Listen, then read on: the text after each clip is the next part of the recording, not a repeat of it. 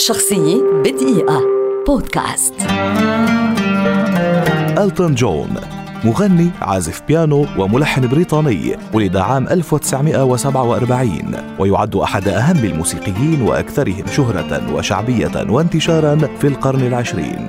تجاوزت مبيعاته المئتي مليون تسجيلا ولاقى نجاحا باهرا في برودواي حينما ألف النوتة الموسيقية لفيلم بيلي إليوت الفائز بجوائز توني.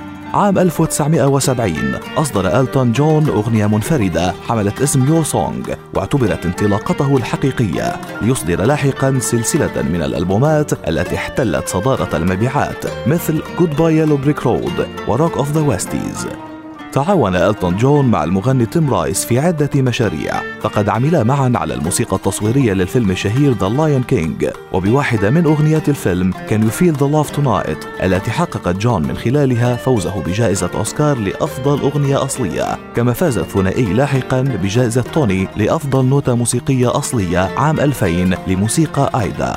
تلقى جون عددا هائلا من التكريمات خلال مسيرته. وفي عام 1994 تم ضمه إلى الصالة الفخرية لمشاهير الروك أند رول. ومنحته الملكة إليزابيث وسام الإمبراطورية البريطانية في العام التالي. مما جعله رسميا السير إلتون جون. وفي عام 2019 صدر فيلم روكيت مان الذي يحكي قصة حياته. رغم اعتزاله منذ سنوات إلا أن جون لا يزال ذا شعبية كبيرة جدا. وما يزال يقدم بعض الحفلات الموسيقية من حين إلى آخر. والأكيد أننا لسنوات طويلة ولأجيال قادمة لن ننسى موسيقى ألتون جون وأغانيه وأسلوبه الفريد ونظاراته الغريبة التي طالما اشتهر بها.